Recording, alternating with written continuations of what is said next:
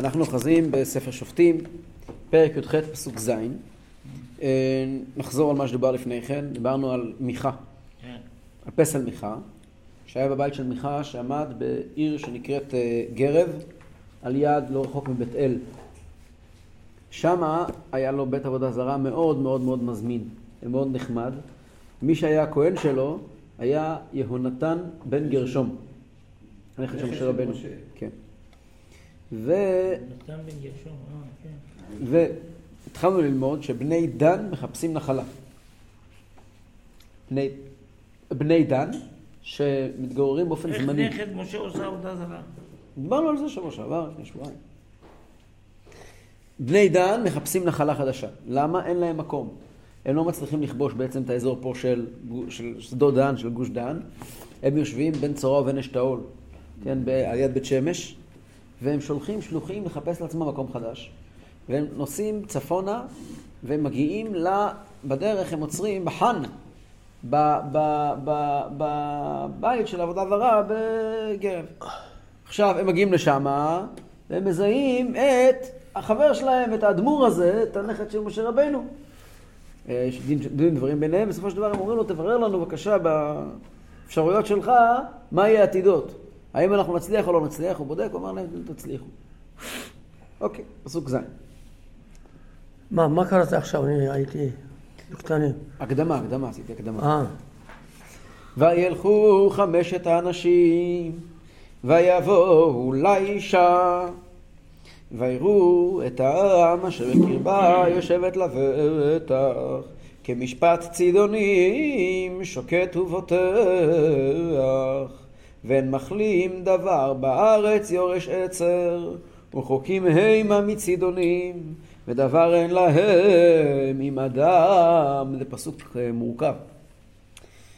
אה, החבורה הזאת הולכים ללייש. איפה זה לייש?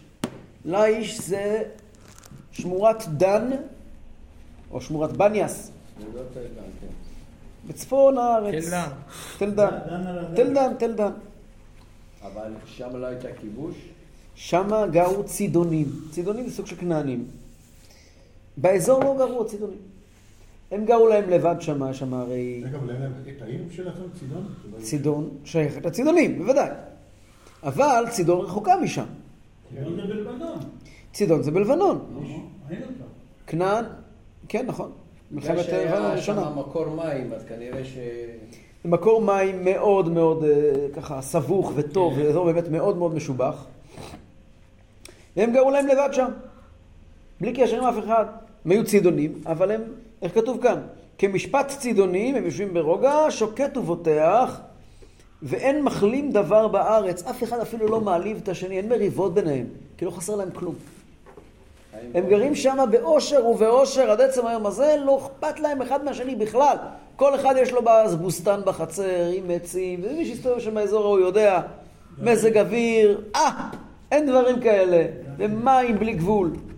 ומים זורמים, לא מים עומדים, אז גם אין אה, אנופלס, אין שטויות, אין בעיות. מפלים וזה. אה? מפלים. כן, מה שרוצים.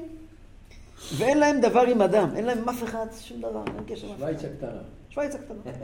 איך הם ידעו להגיע לשם? שני הסברים. הסבר אחד, שבני דן חיפשו מקום שאף שבט אחר לא נמצא בו.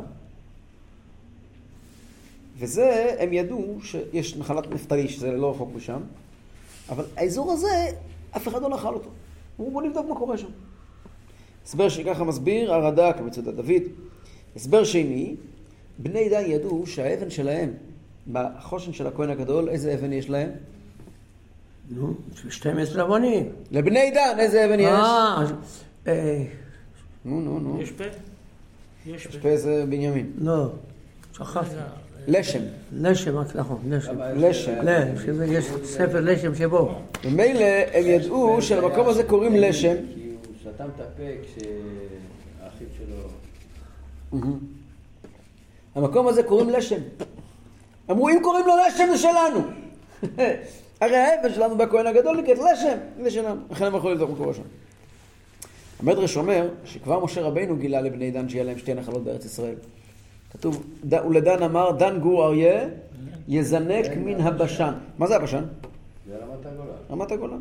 מה מזנק מרמת הגולן?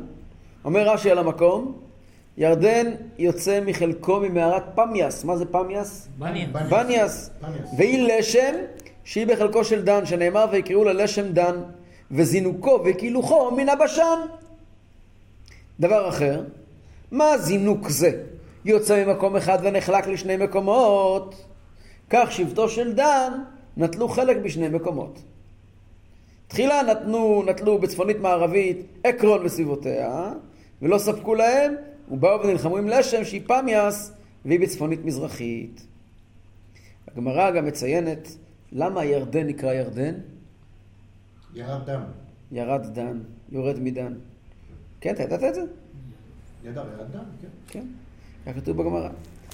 אבל הירדן נקרא ירדן עוד לפני שדן כבשו את, ה... ירד. את, הדן, את, את, את, את נחל דן. איך ירדן יורד מדן? ירדן ממזרח, דן בצפון. איך ירדן יורד מדן? תסביר. גיאוגרפית? נחל ירדן, נהר הירדן, מתחיל איפה? איפה הוא מתחיל? אה, בצפון? איפה. בצפון? רמת- הגולן, יורד לכיוון... הוא לא מתחיל נכנס- ברמת הגולן. הוא מתחיל בעמק הירדן, הוא לא מתחיל ברמת הגולן. איפה הוא מתחיל? הוא מתחיל קצת לפני החולה. איפה? החולה. איפה זה החולה? החולה זה עמק החולה. עמק החולה. זה אחרי קריית שמונה, בין קריית שמונה לטבריה. כן, נגיד. בסדר. זה מתחיל משם. משם. הוא נוצר משלושה נחלים. כן. ומגיעים אליו שלושה נחלים עיקריים. חצבני, בניאס ודן. ראשי תיבות? חצב? לא, חצבני, בניאס דן. ראשי תיבות? חב"ד, כן. כן. המקום שהחצבני, הבניאס והדן מתחברים, נהיה ירדן. כן. אז מאיפה הוא מגיע? הוא מגיע מהב- מהבניאס, הוא מגיע מהדן. ומגיע למזרח. במזרח, זה הכל במזרח. המזרח, הצד המזרחי של ארץ ישראל מתחיל בצפון, באצבע הגליל. כן. יורד, יורד, יורד עד ים המלח. כן.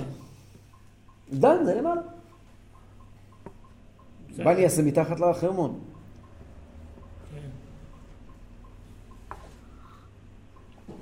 הבנת? רואים שהתורה קוראת למקום הזה, התורה קוראת לנהר הזה נהר הירדן, כל התורה, נכון? על ירדן יריחו וכולי. ואם הוא נקרא על שם שיורד מדן, דן הרי לא כבשו עדיין את המקום הזה. זה נקרא אז לשם. רואים שכבר מראש, מראש מקדם, קראו לזה ירדן על שם שעתיד שיקראו לזה דן. הם ידעו שזה, ביידיש קוראים לזה בשרט. מה זה בשרט? זה מיועד להם. בשרט. כן. הם מגיעים שם למקורות הירדן, הם פוגשים את הצידונים. עם כנעני, כתוב בפרשת נוח, שמה קוראים לבן הבכור של כנען? צידון. עם כנעני שהבסיס שלו הוא בצידון. איפה זה צידון? בלבנון. איפה בלבנון? צפון מזרח, לא, צפון. לפני, אחרי זה, איפה בלבנון? אתה היית שם, נו? איפה צידון נמצאת? צידון? צפונית לצור. צפונית לצור, נכון. איפה? על קו המים, במערבית, על הים. צידון זה עיר נמל. עיר נמל. אחד האסונות הגדולים היה במלחמת לבנון. אה? היה אחד האסונות הגדולים שלהם, גם קרני גז. התפוצצו, הבניין הזה שקרס, כן. בעזה, זה גם אותם אנשים. זה גם אותם אנשים. כן, זה גם אותם אנשים. זה אז היה אש"ף, כן. ועכשיו זה אש"ף, חמאס. חמאס ואש"ף זה אותו דבר. זו נבלה וזו טרפה. חזבאללה. זה אותם אנשים. לא, זה לא היה חיזבאללה, זה היה אש"ף. היה... אז זה היה, אז זה היה. אש"ף. חמאס. לא, אז היה... זה היה אש"ף. לא. טוב, כל כך טוב שמה, שאף אחד לא חסר לו כלום. אף אחד לא אומר, אף אחד לא אומר מישהו אחר, אין לי בשבילך משהו. הוא אומר, שמה שפע עצום. והם מנותקים, מצד אחד הם מנותקים מכולם. מצד שני, הם אף לא הסתכסכו עם אף אחד על כלום, אז לא הייתה להם ברית הגנה עם אף אחד. המקום יושב ומחכה לבני דן, תבואו תקטפו אותו כפרי בשל. וזה היה שייך לארץ ישראל? כן, בטח. קיצר, הם חוזרים חזרה הביתה, מספרים לחברים שלהם מה הם ראו? פסוק ח' ויבואו אל אחיהם צורעה ואשתאול ואמרו להם אחיהם מה אתם? כלומר מה אתם אומרים או מה ראיתם? ויאמרו קומה ונעלה עליהם כי ראינו את הארץ והנה טובה מאוד ואתם מחשים אל תעצלו ללכת לבוא לרשת את הארץ. יאללה חבר'ה מחכים לנו שם. כבואכם תבואו אל עם בוטח והארץ רחבת ידיים כי נתנה אלוהים בידכם. מקום אשר אין שם מחסור כל דבר אשר בארץ. ויסעו משם משפחת הדנים מצורע ומאשתאול שש מאות איש חגו כלי מלחמה ויעלו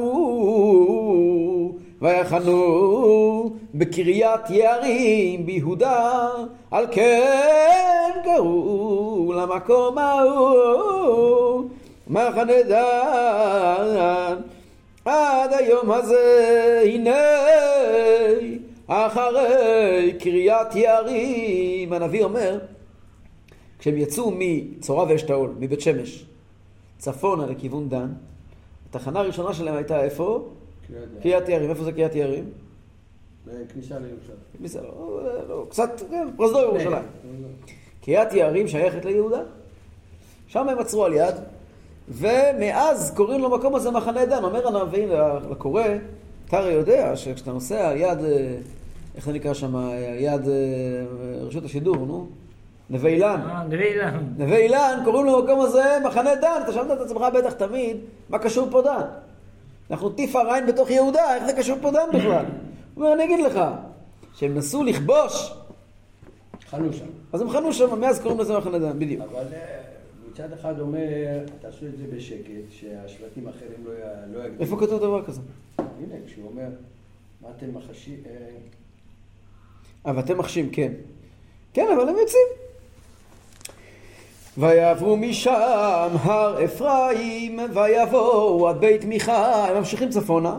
ומה התחנות הבאות? הרי מיד שם מתחילים צפונה, אתה מגיע לאזור של רמאללה, ממשיך הלאה בית אל, הלאה שילה, ואתה לגרב, לאזור אפרים, לאזור של בית מיכה. כולם עוצרים שם, שם יש חן חבל על הזמן. הם מגיעים כל החבורה לבית מיכה. ויענו חמשת האנשים ההולכים לרגל את הארץ לאיש ויאמרו אל אחיהם מה ידעתם כי יש בבתים האלה אפוד וטרפים ופסל ומסכה ועתה דעו מה תעשו אומרים לו תקשיבו יש שם. עבודה זרה על העניין. פעם שעברה שהיינו שם כבר ידענו שהם הולכים לקבל את המקום, אה? אז בואו נראה מה עושים. פסוק ט"ו. ויסעו שמה ויבואו אל בית הנער הלוי, בית מיכה, וישאלו לו לשלום. ושש מאות, כן, החמישה נכנסים פנימה, אומרים שלום לנער הלוי, ושש מאות איש. חגורים כלי מלחמתם ניצבים פתח השער אשר מבני דן ויעלו. חמשת האנשים ההולכים לרגל את הארץ באו שמה לקחו את הפסל ואת האפוד ואת התרפים ואת המסכה והכהן ניצב פתח השער ושש מאות האיש שחגו כלי המלחמה ואלה באו בית מיכה ויקחו את פסל האפוד ואת התרפים ואת המסכה ויאמר עליהם הכהן מה אתם עושים? אמרו לא החרש שים ידך על פיך ולך עמנו והיה לנו לאב ולכהן הטוב היותך כהן. לבית איש אחד או היותך כהן. לשבת למשפחה בישראל. ויטב לב הכהן ויקח את האפוד ואת התרפים ואת הפסל ויבוא בקרב העם, ויפנו וילכו, וישימו את התא ואת המקנה, ואת הכבודה לפניהם. הם מגיעים לשם, כאילו בדרך. חמישה נכנסים כאילו להגיד שלום, והם תופסים את כל העסק, סוחבים החוצה, חבר'ה מענים. זאת אומרת, מה אתם עושים? שטות, אתה אל תתערב, בוא גם אתה איתנו. אתה עכשיו הולך לבוא איתנו, תהיה כהן עליהם. בדיוק. והוא כסף האב, כמו שראינו כבר, מצטרף אליהם, והוא, אה, ויבוא בקרב העם ומתחבא בתוך כולם, אם יבוא מיכה, אז הוא מוגן. והם מתנהלים, הציוד היקר והילדים הולכים מלפנים והלוחמים מאחור, כדי שאם ירדפו אחריהם אנשי מיכה, כלומר הפחד שלהם הוא מאחור, הוא לא מקדימה. הם פוחדים ממיכה, לא מ- מלשם. אז הם שמים את הילדים מקדימה. וככה הם כל כך היו בטוחים בניצחון שלהם, שהם לא פחדו לשים את הילדים מקדימה. מי הם פחדו? ממיכה. כן. איך- לקחו איתם עבודה זרה? הם, אה, ידוע שכבר, בני דן תמיד היה להם איזשהו קטע כזה. זה ידוע שזה זה הסיפור של בני דן. אה? המה הרחיקו מבית מיכה. המה הרחיקו מבית מיכה, ואנשים אשר בבתים אשר עם בית מיכה נזעקו וידביקו את בני דן עד שהם התרחקו, בינתיים התעוררו שם אצל מיכה, מה קורה פה? מודגי ארגדן גן זה גצ'קה, לקחו להם את כל עבד הזר שלהם. ויקראו אל בני דן ויסבו פנה ויאמרו למיכה מה לך כי נזעקת הם קוראים לבני דן ו... אה, הופה אתה רואה? בכוונה עשיתי לך אז הם קוראים לבני דן ככה אה, אה. אז מסתובבים רואים את מיכה מה מה מה מה קרה? מה אתה ככה? ויאמר את אלוהי אשר עשיתי לקחתם את הכהן ותלכו מה לי עוד ומה זה תאמרו אליי מלאך. לקחתם את האלוהים שלי שעשיתי לקחתם את הכהן שלי לא נשאר לי שום דבר אתם שואלים אותי מה אני רודף אחריכם. ואמרו אליו בני דן אל תשמע קולך עמנו פנפגעו בכם אנשים מרי נפש ואספת נפשך ונפש ביתך. אמרנו שמע אנחנו לא לוקחים אחריות יש פה חבר'ה קצת עם חמומי מוח אם אתה לא תשתוק אנחנו לא לוקחים אחריות מה שהם יעשו. אז תשמור על עצמך ותשתוק. אבל הם 600 איש. אז הם אומרים למיכה שתוק יש פה כמה חבר'ה שיכולים יכולים לקחת. אומרים לו שתוק אך לא חמישה אנשים נגד 600 איש. לא חמישה היו עם השש מאות. היו איתם שש... כל השש מאות, עם החיילים, עם בני כל החבר'ה. אז הם אומרים למיכה, תשתוק, יש פה כמה חבר'ה עצבניים, אם אתה תעלה להם את הסעיף, הם יכולים פה לעשות... בקיצור, הוא מסתובב והולך עם הזנב בין הרגליים. והלכו בני דן לדרכם, וירא מיכה, כי חזקים המה ממנו, וייפן וישב אל ביתו. אה, חז"ל אומרים, אנחנו רואים שהם בוטחים פה בפסל, ואשכרה הם גם מצליחים. זה לא, זה כבר דיברנו בשבועות שקודמים, זה סיפור מיוחד, זה לא סיפור קלאסי. אנשים חושבים, אחת מהבעיות, בהרבה, הרבה, בהרבה בעיות. שאנשים חושבים, אנשים חושבים, כאילו, אנשים מדמיינים לעצמם אידיליה כזאת, שמי שהולך עם הקדוש ברוך הוא מצליח, ומי שהולך עם עבודה זרה מפסיד. מגיעים בפרקים האלה ואומרים, לא תמיד. לא תמיד. לפעמים, אי אפשר להגיד את זה לכל תינוק. אנשים מבוגרים צריכים לדעת. טוב שאתה התעוררת עכשיו, תקשיב. אנשים מבוגרים, אני. יודע, עכשיו תקשיב מה שאני אומר. אנשים מבוגרים צריכים לדעת שלפעמים אלה שהולכים עם עבודה זרה מצליחים. מצליחים? כן, נו, איך? מה איך? תן דוגמה. הנה, זה מדוע דרך רשעים צלחה? יש דבר כזה, התפיסה של העולם המאוד שחור לבן היא לילדים קטנים. מי שעושה טוב מצליח, ומי שעושה רע מפסיד. זה לא תמיד נכון. זה לא תמיד נכון. ולפעמים מי שעושה רע מצליח. זמנית. זמנית. זמנית. אבל מצליח. למה עושים, אנחנו לא עושים טוב כדי להצליח, אנחנו עושים טוב למה? הוא מצליח במערכה, הוא לא מצליח... למה. אנחנו, למה עושים טוב כדי להצליח? למה אנחנו עושים טוב? כי הקדוש ברוך הוא אמר. כי זה מה שנכון. אנחנו עובדים את השם לא כי זה... כל הפרשה הזאת היא מספרת את העניין הזה מכל מיני זוויות. אנחנו עובדים את השם לא כי זה יפה, לא כי זה מצליח, לא כי זה תרבותי, לא כי זה נחמד, אלא כי זה נכון. איך יודעים שזה נכון? כן, אני אמרתי לך. אמרנו בחנות. חזון, חזון. זה לא התשובה. אה? איך יודעים שזה נכון? כתוב בתורה. לא תשובה. התשובה היא כי זה כתוב בתורה. צריך לפתוח את ספר התורה ולראות מה כתוב בתורה. הדרך לבדוק מה נכון זה לא דרך ההצלחה. הדרך לבחון אמת ושקר, זה לא, אני אתן לך דוגמה מאוד מאוד חריפה לזה. אני מקווה שאני לא מוקלט. אתן לך דוגמה מאוד חריפה לזה. ארבע פעמים בהיסטוריה, אנחנו מגיעים מחנוכה. ארבע פעמים בהיסטוריה, בני ישראל מרדו באומות העולם בארץ ישראל והקימו לעצמם מדינה. ניסו להקים. פעמיים הצליחו, פעמיים לא הצליחו. פעמיים זה היה ברצון חכמים, ופעם... למה לא? זה היה ברצון חכמים, ופעמיים. אני אומר את הדברים האלה פעם אחת, אחרי זה אני גם לא, מתכחש שאמרתי אותם. אחרי זה אני אתכחש, אני אגיד שלא אמרתי את זה. שב אני אגיד. הוא לא מוכן.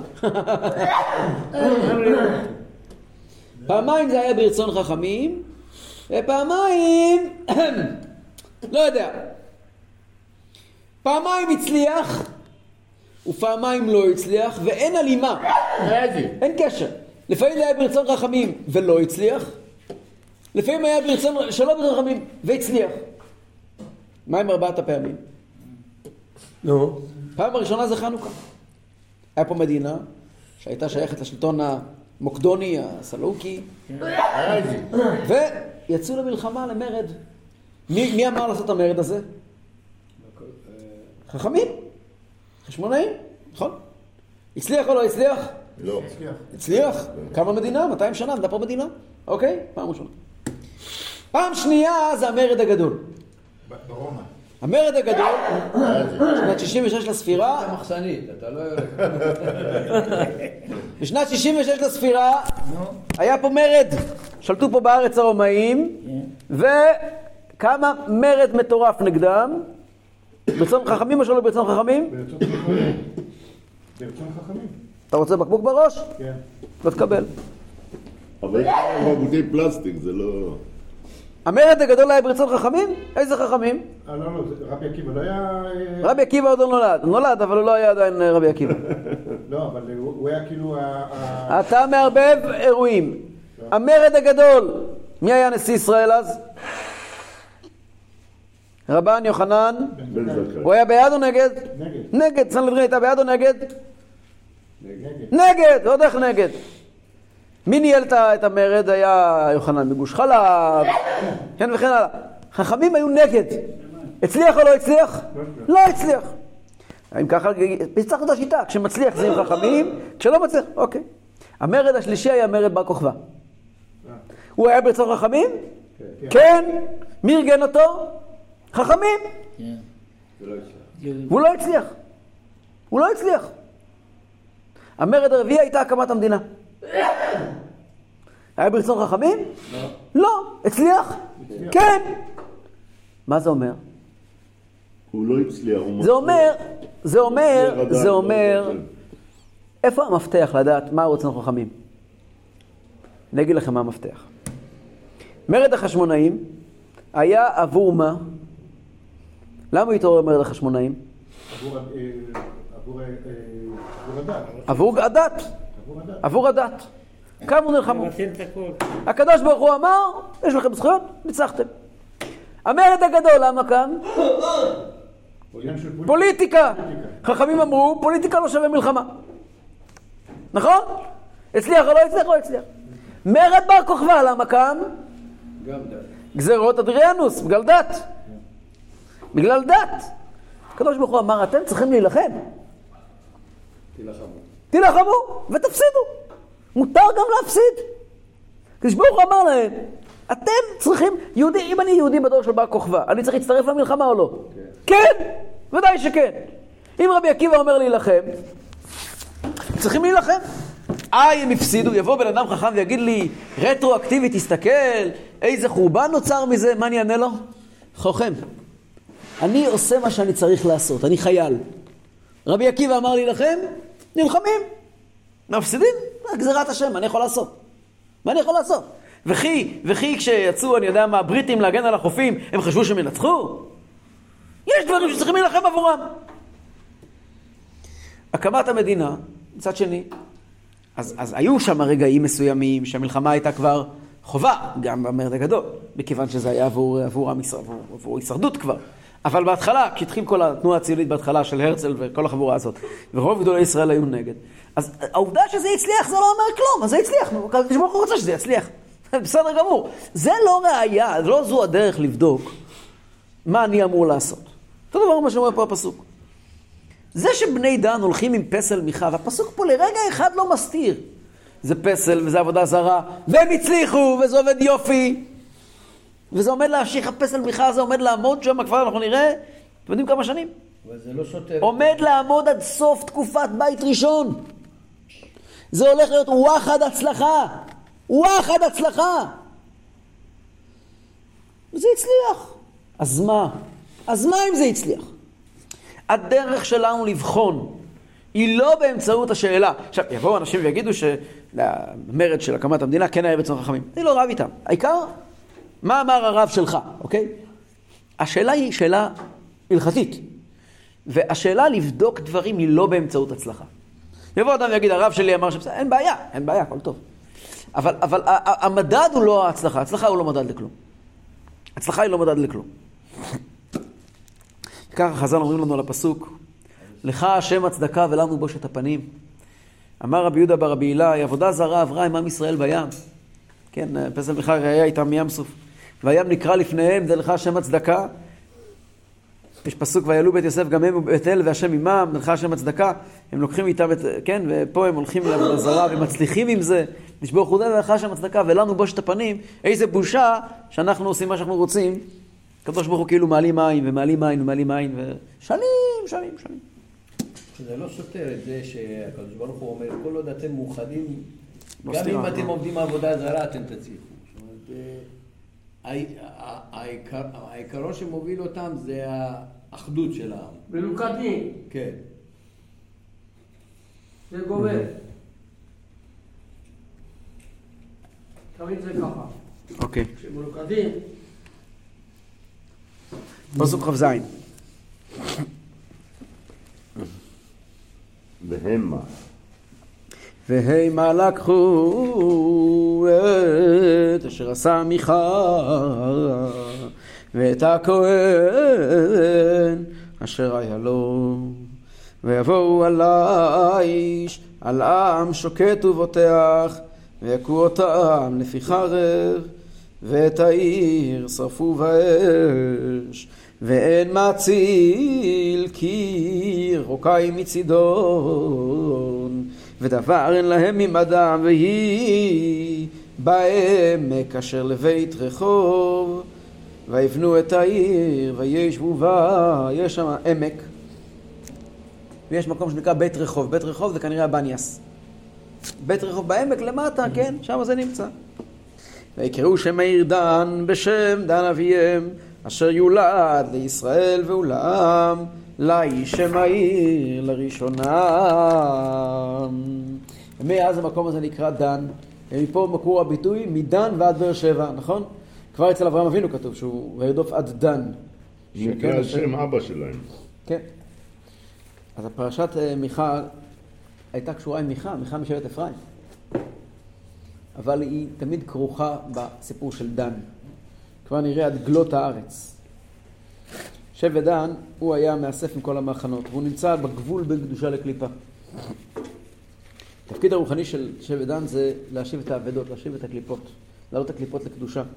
ומזה גם יש נפל, נפילות, כתוב שאלה שנפלו במלחמת עמלק היו בני דן. שאנם פלט אותם בגלל החטאים שלהם, גם שמשון מתעסק עם קליפת פלישתים, ככה הוא הולך על התפר, משבט דן. וגם אחרי הנפילות, אבל הם מצליחים, כשמתקנים, אז הם מצליחים לתקן את הכל באמצעות הקדושה, כך כותב רב צודק, כמה קלאסי. פסוק ל' ויקימו להם בני דן את הפסל, ויונתן בן גרשום בן מנשה, הוא ובניו, היו כהנים לשבט עדני עד יום גלות הארץ. וישימו להם את פסל מיכה אשר עשה כל ימי היות בית האלוהים בשילה. אז הבית עומד עד יום גלות הארץ, כבר נגיד, נבין מתי זה. יש, רוב המפרשים אומרים שהכוונה היא לחורבן שילה, ימי עלי. וכל ימי היות בית אלוהים בשילה, וכשהגיע שמואל הנביא, אז הוא ביער עבודה זרה מן הארץ. יש מפרשים שאומרים שזה המשיך גם הלאה עד יום גלות הארץ ממש. פה פעם ראשונה כתוב מהנביא ההוא, יהונתן בן גרשון בן מנשה, כבר למדנו שהמנשה פה הנון היא נון תלויה, הכוונה היא לבן משה. מופיע בהסבר מעניין, שכאשר שמואל הנביא כתב את ספר שופטים, עדיין הוא היה חי, יהונתן. אבל מדברים על זה ש... ש... שדוד המלך פגש את אחיו ואמר לו, מה אתה עובד עבודה זרה? תסתכל על... כן, נכון, שלך." נכון, נכון, נכון, נכון. דוד ועד לכאן זה... היה לו, חז"ל שואלים איך היה לו כזו אריכות ימים. חז"ל שדיברנו על זה. אריכות ימים מטורפת. תסתכלו עליו כעל בן אדם קדוש באופן לא רגיל. שוב פעם אנחנו רואים את ההצלחה של עבודה זרה. כן. אז כתוב ששמואל הנביא, למה הוא כתב עד יום גלות הארץ, בית אלוהים בשם, הוא השאיר את זה ככה רופף, כי הוא עוד היה חי. שמואל אמר, הוא עוד יכול לחזור בתשובה. אז לכן, לא לכתוב את זה עד הסוף. על פי חז"ל, דוד המלך החזיר אותו בתשובה. כן. כן, הוא היה אחראי על, על האוצרות. כתוב, ושבואל בן גרשום בן מנשה נגיד על האוצרות. אז שבואל בן גרשום בן מנשה, הכוונה היא ליהונתן בן גרשום בן מנשה. למה הוא נקרא שבואל? אומרת הגמרא, אמר רבי יוחנן, ששב לאל בכל ליבו. שמואל החזיר את... אה, תשובה למי? את... אה, את, את, את, את אה, יהונתן. עכשיו, מעניין, רבי יוסף חיים מבגדד כותב, שזה שממונו חביב עליו, זה, זה, זה המעלה שלו, כי יכול היה להתפרנס מן הצדקה. אנשים היו שמחים לפרנס את הנכד של משה רבינו. אבל הוא אמר, בשום פנים ואופן אני לא רוצה להזדקק לבריות. אבל הוא מוכן לעבוד בכל עבודה, כולל בפסל מיכה. לכן כשדוד מינה אותו לאוצרות, הוא קיבל על זה משכורת גבוהה. כי מי שממונה על האוצרות תמיד מקבל משכורות גבוהות, כדי שלא יתפתה לקחת אה, לכיס. ואז הוא חזר בתשובה. עד מתי עמד הפסל? אמרנו מקודם, פסוק ל' כתוב עד יום גלות הארץ, פסוק ל"א כתוב כל ימי היות אלוהים בשיל- בשילה, בית אלוהים בשילה, מה הכוונה? אז לפי, לפי רבי ישעיה דתירני ורד"ק ותעודה דוד, פסל מיכה עמד בדן כל מה שהמשכן עמד בשילה, מתחילת השופטים עד ימי עלי הכהן. ו... ואז הגיע שמואל הנביא שעשה סדר בכל הארץ וביטל את זה. הסבר שני, רש"י ורבי יוסף קרא כותבים, עד גלות הארץ הכוונה היא עד גלות עופרת השבטים. מה זה כל ימי, עד יום, מה פירוש כל ימי אה, היות בית אלוהים בשילה? הכוונה היא, שמואל ביטל את הפסל, אבל העסק נשאר. רק שהוא לא היה פעיל, וכשהגיע אה, ירבעם בן נבט, הרי החיה את הפסלים אה, בדן ובבית אל. כן, באמת בברייתא דסדר עולם כתוב שבשנת 22 למנשה גלה מנשה לבבל ופסל מיכה איתו. גם בירושלמי כתוב שאחרי שדוד המלך נפטר, יהונתן חזר לשמש את, הפסל, וכן, זה הסיפור. אז סיימנו את הפרשה העגומה הזאת. איך אבל, איך הוא חזר? כי אחרי דוד היה... איזה רובם בן נבט הרי חכמים. אתה מרשה לי לצאת?